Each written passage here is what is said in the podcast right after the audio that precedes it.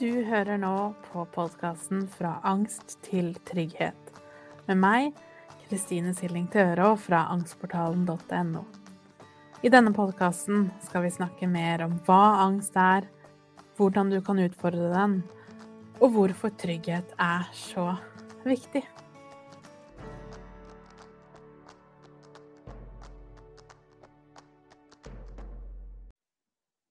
Hei og velkommen til episode 37, hvor vi skal snakke om hva du kan gjøre når du ikke kan komme deg ut av situasjonen du har angst for.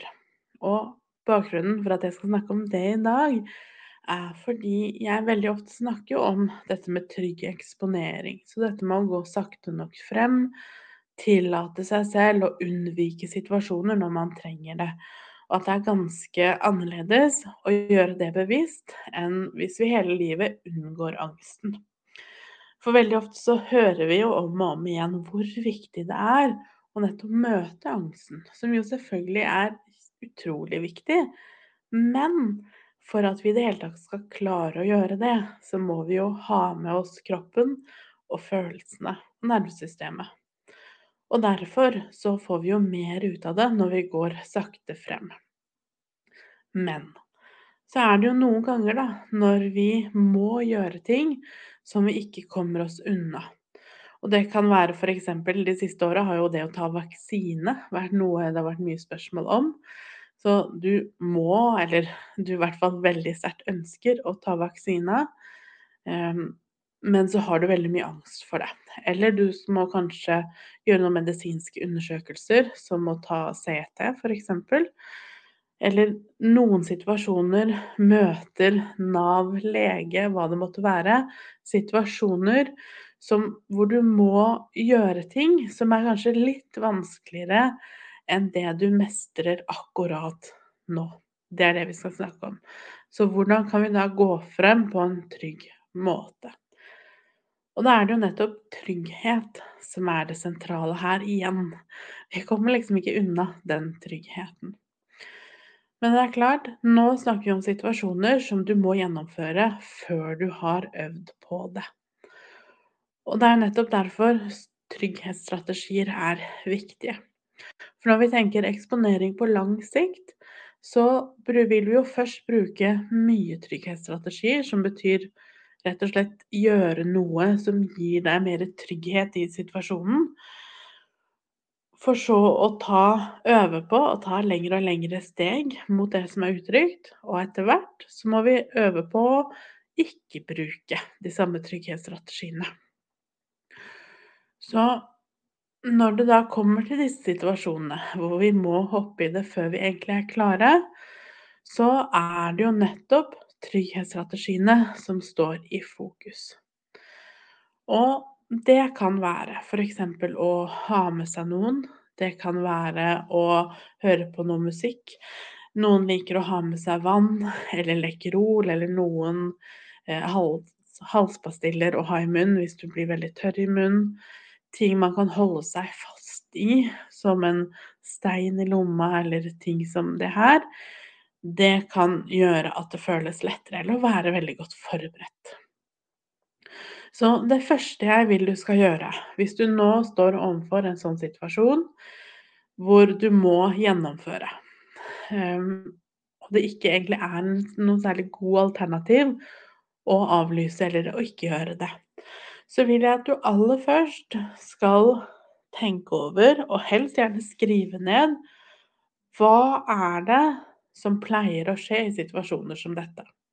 Så hvordan kjenner du på angst i disse situasjonene? For nå er vi nødt til å være forberedt på hva som kommer til å skje. Og jo mer forberedt vi er, jo mer kan vi også nettopp vite hva vi skal gjøre for å motvirke det. Så kan det være at du skal kjøre fly, f.eks. Og da vet jeg at kanskje allerede i sikkerhetskontrollen, jeg må stå i kø der, allerede der så kommer jeg til å merke at dette er ubehagelig. Og jeg får en sånn følelse av at nå vil jeg bare rømme, fordi jeg føler meg innestengt. Eller jeg er redd for å gjøre noe galt. Jeg er redd for å bli tatt på noe, som er ganske typisk selv om vi ikke har gjort noe som helst galt, så er vi allikevel livredde for at vi har gjort det allikevel. Så skriv ned hva er det med situasjonen som skaper angst, i de hvert av stegene. Så hvis det er å kjøre fly, eller det er å ta vaksine, hvis det er å gå til legen, så vil det jo først være en del som handler om å komme seg dit. En transportetappe, rett og slett. Hva er det der som kan trigge angsten? Hva er det som er vanskelig? Og så skal vi kanskje ha en ventedel, eller en kødel, eller en venteromdel. Hva er det der som trigger angsten? Og så når vi sitter på selve flyet, eller vi sitter og venter på reaksjoner etter vaksina, eller vi sitter i en undersøkelse, hva er det jeg kjenner på da? Og her er det viktig å være så ærlig med deg selv og så konkret som mulig.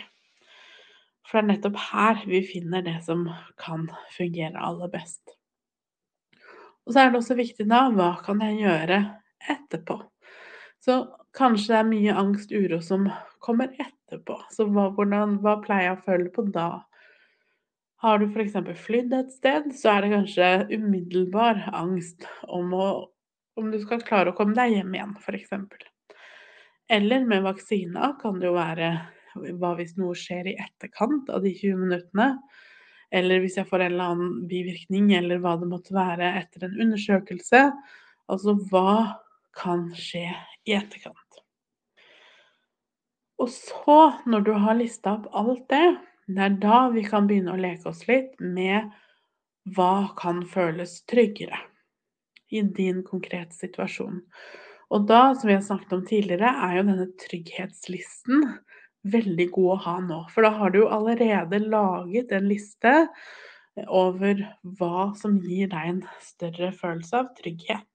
Og hvis du ikke har hørt denne episoden ennå, så handler det rett og slett om å liste ned på et ark alle de tingene, små og store, som gir deg noe positivt når du har angst, som kan gi deg en lettelse i angsten, eller som kan etter hvert hjelpe deg å roe deg ned. Så hvis du allerede har gjort jobben med den lista, så plukker du jo nå derifra. Eh, hvis vi tar f.eks. flyeksempelet, så kan det jo det å være veldig godt forberedt på hvor du skal gå, f.eks., kan være til hjelp for noen. Det å ha veldig oversikt over hva du har pakka, eh, oversikt over regler, oversikt over hva som er riktig og ikke riktig. Eller det kan være å passe på at du har noe å høre på. Om du hører på meg, f.eks., eller du hører på noe musikk eller en annen podkast. Noe som gjør at du slapper av og kanskje glemmer deg selv litt for å få deg gjennom. Det er gull i situasjoner hvor vi må vente mye. Um, når det kommer til selve gjennomføringen av noe, så er det jo veldig mange ting vi kan gjøre. En ting jeg liker veldig godt, er å gi meg selv en oppgave.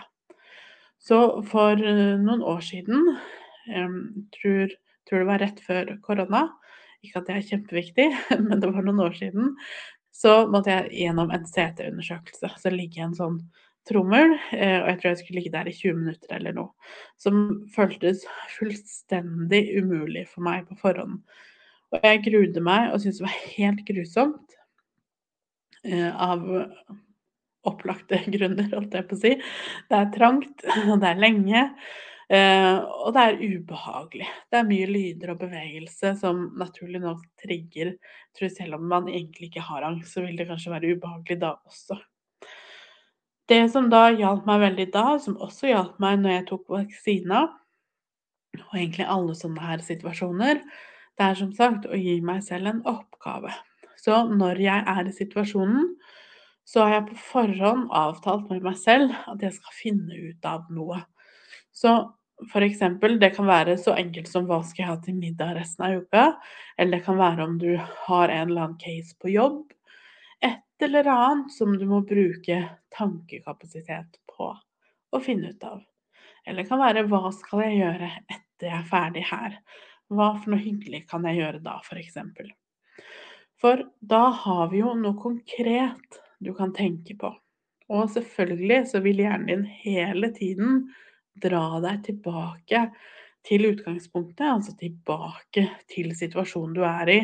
Alle angster, alle frykter som du nå har skrevet ned på papiret. Men vit da at da hver gang det skjer, og at det er normalt at det skjer, så setter vi, minner vi oss selv på og drar tankene tilbake til problemet vi skulle løse. Så hele tiden tilbake til utgangspunktet. Og på den måten så er det litt enklere for hodet vårt å, å gå et annet sted enn angsten. Fordi det er vanskeligere å ikke tenke på det vi er redd for, enn å tenke på noe konkret. Altså ikke ha fokus på noe er nesten umulig, men vi kan sette det fokuset et annet sted. Så løs et eller annet, enten ditt livsproblem eller verdensproblem, eller hva du måtte gjøre, i hodet. Um, men igjen, her også kommer det jo veldig an på hva er det du liker. Og for noen så vil dette være ganske ok eller enkelt å tenke på den måten. For andre igjen kan det å, å visualisere eller se for seg, tenke på problemene i en situasjon være ganske vanskelig, bare fordi vi er bygd forskjellig. Og da er det kanskje andre ting som hjelper mer. Så det kan være ting å igjen ha ting i ørene. Det kan være å være veldig åpen med enten de du skal reise sammen med, eller de som utfører en undersøkelse på deg, eller ta vaksina f.eks. På at dette her syns jeg er veldig vanskelig. Dette har jeg mye angst for. Og gi rom for at de kan forklare, at du kan få litt trøst. At du kan få litt pauser, kanskje du til og med kan gå ut litt hvis du trenger det i mellomtida. Hvis hvis det er mulig. Og det kommer selvfølgelig helt an på situasjonen. Eh, litt vanskelig å gå ut hvis du sitter i et fly, f.eks. Men tenk over hva kan jeg gjøre når du nå har denne listen over ting som vanligvis skaper problemer. Hvordan kan jeg skape litt trygghet? Og jeg tror nok på toppen her er det jeg har snakket om. Så det er musikk eller podkast på øret. Det er å være veldig åpen med andre om at dette er vanskelig for meg, eller det er å, å skape en historie i hodet eller å, å løse et problem. Og da kanskje helst noe du faktisk ønsker å løse, at vi ikke later som. For igjen, angsten vil alltid ønske å dra deg tilbake igjen. Så jo tydeligere du er på hva som er hva, jo mer du ønsker å finne ut av noe annet, jo lettere vil det også være å distrahere deg som gjør det du gjør. Og så vite også at når du har gjennomført det du nå har gjennomført, så er det veldig naturlig å være veldig, veldig sliten. For det vi jo gjør, er jo en slags mental gymnastikk, nærmest. Vi prøver å dempe angst, som er noe av det kanskje mest krevende vi kan gjøre. Og jo lengre du gjør det av gangen, jo selvfølgelig jo mer sliten vil du bli.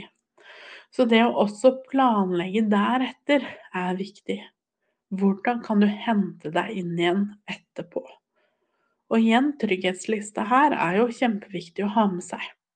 Så hva kan du gjøre da for å hvile, hva nå enn hvile betyr for deg?